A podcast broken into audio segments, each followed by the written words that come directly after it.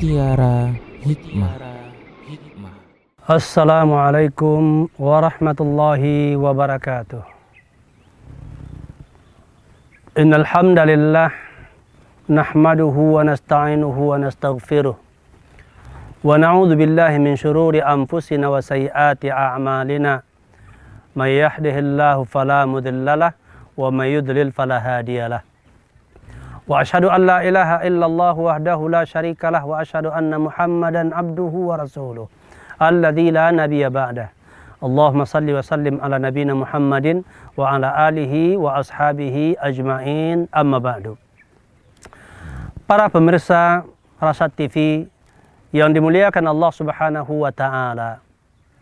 Kali ini kita kembali di program Mutiara Hikmah dalam serial Ibadur Rahman. Salah satu karakter daripada Ibadur Rahman adalah berusaha untuk meninggalkan perkara-perkara yang sia-sia atau tidak berguna dalam rangka untuk mempertahankan dan menjaga kehormatan. Terkait dengan tema ini, kita bawakan satu hadis Rasulullah Sallallahu Alaihi Wasallam yang sudah masyhur di kalangan kaum muslimin di mana Rasulullah bersabda dalam hadis yang bersumber dari Abu Hurairah radhiyallahu an Nabi mengatakan inna min husni islamil mar'i tarkuhu ma la sesungguhnya di antara bagusnya baiknya Islam seseorang adalah dengan meninggalkan apa-apa yang tidak bermanfaat baginya atau apa-apa yang tidak berguna baginya.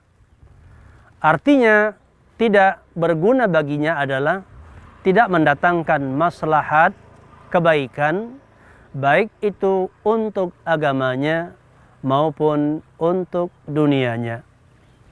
Syekhul Islam Ibnu Taimiyah rahimahullah mengatakan bahwasanya barang siapa yang membatasi dirinya dengan perkara-perkara yang bermanfaat saja maka dia akan selamat dari segala keburukan. Al-Imam Ibnu Rajab Al-Hambali rahimahullah mengatakan tentang hadis ini bahwasanya hadis Nabi ini adalah merupakan pondasi yang sangat agung terkait di dalam pembentukan adab akhlak seorang muslim.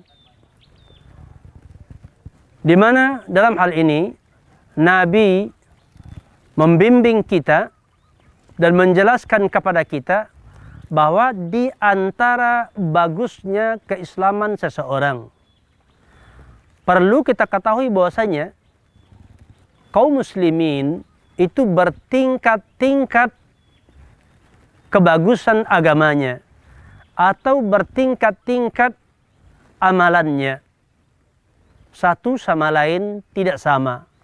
Keimanan bertingkat-tingkat, kepatuhan kepada Allah bertingkat-tingkat, dan termasuk juga akhlak mereka bertingkat-tingkat. Sebagaimana Nabi juga mengatakan, Innama bu'istu liutammima makarimal akhlak. Hanya saja aku diutus adalah untuk memperbaiki akhlak. Di antara upaya untuk memperbaiki akhlak adalah dengan meninggalkan perkara-perkara yang tidak bermanfaat. Perkara-perkara yang tidak bermanfaat itu terkait dengan ucapan-ucapan, terkait dengan perbuatan-perbuatan, dan juga terkait dengan sikap batin atau sikap dalam hati seseorang.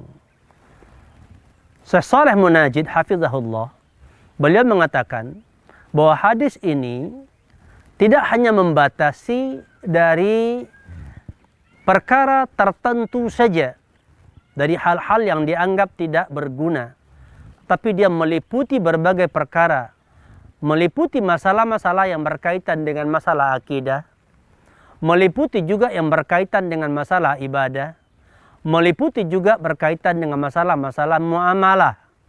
Ada perkara-perkara yang tidak berguna. Termasuk di antara perkara-perkara yang tidak berguna dalam masalah akidah adalah kesyirikan. Itu sangat tidak berguna bagi seorang insan. Atau termasuk dalamnya adalah bentuk kekufuran. Dan termasuk yang perkara tidak berguna dalam masalah ibadah adalah bid'ah, bid'ah dalam ibadah. Baik ibadah qauliyah atau ibadah fi'liyah ya. Jika seandainya kita jatuh kepada perkara bid'ah, maka itu tidak berguna tentunya untuk keselamatan kita di hari akhirat nanti. Karena ibadah itu mempunyai syarat untuk diterima oleh Allah Pertama ikhlas yang kita lakukan murni karena mengharap ridha Allah dan yang kedua mesti mesti sesuai dengan tuntunan Rasulullah Sallallahu Alaihi Wasallam atau mengikuti sunnah Rasulullah Sallallahu Alaihi Wasallam. Dan juga perkara yang tidak bermanfaat ini adalah terkait dengan akhlak, dengan muamalah, dengan pergaulan. Dan itu berkaitan dengan ucapan-ucapan, dan juga berkaitan dengan perbuatan-perbuatan. Seperti yang berkaitan dengan ucapan adalah sabda Nabi sallallahu alaihi wasallam, "Man kana yu'minu billah wal yaumil akhir falyakul khairan aw liyasmut."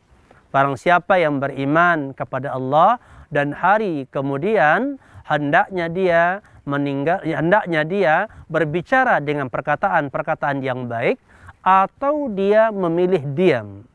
Maka dalam hal ini ucapan-ucapan yang diridhoi oleh Allah adalah ucapan-ucapan yang baik. Ucapan-ucapan yang mengandung keimanan, ucapan-ucapan yang mengandung ibadah, ucapan-ucapan yang mengandung kebaikan, yang mendatangkan maslahat untuk agama kita dan agama orang lain dan mendatangkan juga kemaslahatan mungkin untuk dunia kita dan dunia orang lain. Sebagaimana juga perkataan Nabi, al-muslimu man al muslimu min lisani wa yadih. Seorang muslim adalah seorang yang selamat, yaitu muslim lainnya dari ucapannya dan dari perbuatan tangannya. Seorang muslim itu memiliki akhlak yang mulia, kalau dia berbicara mendatangkan manfaat bagi dirinya dan juga bermanfaat bagi orang-orang di sekitarnya atau bagi orang-orang yang mendengarkan ucapannya atau bagi orang-orang juga yang tahu tentang ucapannya. Dan kalau dia berbuat, dia beramal dengan satu perbuatan, apakah itu dengan menulis atau melakukan perbuatan lainnya, itu bermanfaat bagi dunianya, bermanfaat bagi agamanya dan bisa bermanfaat mungkin untuk orang lain. Jika manfaatnya kembali kepada dirinya, maka dia akan mendapatkan pahala besar dari itu. Jika manfaatnya kembali kepada dirinya dan juga kepada orang lain, maka manfaatnya lebih besar lagi. Faedahnya lebih besar lagi. Dan dengan orang-orang menjaga dirinya dengan batas-batas yang baik, batas-batas yang berguna dari ucapan dan perbuatan, maka akan mengangkat derajatnya di sisi Allah Subhanahu wa taala dan juga akan menjadikan dia dipandang baik di tengah-tengah kehidupan masyarakat. Dia akan dimuliakan di tengah-tengah masyarakat. Maka dengan itu dia akan mendapatkan kebahagiaan, dia akan mendapatkan ketentraman di dalam kehidupan dunia dan Allah Subhanahu wa taala menjanjikan kepadanya balasan yang berlipat ganda nanti di akhirat. Sebagaimana firman Allah juga di surah An-Nahl ayat 97, Allah mengatakan yang artinya adalah barang siapa yang melakukan, yang melaksanakan perkara-perkara yang baik, amal-amal soleh, baik itu laki-laki maupun dia seorang wanita, sementara dia itu beriman, maka Allah menjanjikan kepadanya kehidupan yang baik. Dan para ulama menyebutkan yang dimaksudkan dengan hayatan tayyibah kehidupan yang baik itu adalah di dalam kehidupan dunia. Dan kemudian Allah akan melipat gandakan pahalanya dari amal-amal yang dia kerjakan, yaitu dilipat gandakan oleh Allah dan itu adalah dalam kehidupan akhirat. Allah akan memberikan imbalannya berlipat ganda dari setiap amal-amal yang kita lakukan. Maka oleh sebab itu, sebagai seorang muslim yang kita mengetahui bahwa keislaman seseorang berbeda-beda. Yang terbaik tentu adalah yang lebih sempurna keislamannya, yang lebih sempurna keimanannya. Maka dari itu, mari kita raih kehormatan dan kemuliaan di sisi Allah dan juga kehormatan dalam hidup ya di dunia ini dengan cara meningkatkan ketaatan kita kepada Allah dan membatasi amalan-amalan kita sesuai dengan tuntunan syariat, sesuai dengan petunjuk Allah dalam Al-Qur'anul Karim, sesuai dengan bimbingan Rasulullah SAW dalam hadis-hadis yang sahih dan sesuai dengan bimbingan-bimbingan para ulama dan kalau seandainya kita mengikuti perkara-perkara yang baik di tengah masyarakat, yang dianggap baik oleh masyarakat, maka itu juga akan mengangkat derajat kita selama perkara yang dianggap baik oleh masyarakat itu adalah perkara yang tidak menyelisihi syariat ini. Mudah-mudahan dengan kajian pendek ini kita bisa mengambil faedahnya. Akhirul kalam wabillahi taufik wal hidayah wa sallallahu wasallam ala nabina Muhammadin wa ala alihi wa ashabi ajmain walhamdulillahi rabbil alamin assalamualaikum warahmatullahi wabarakatuh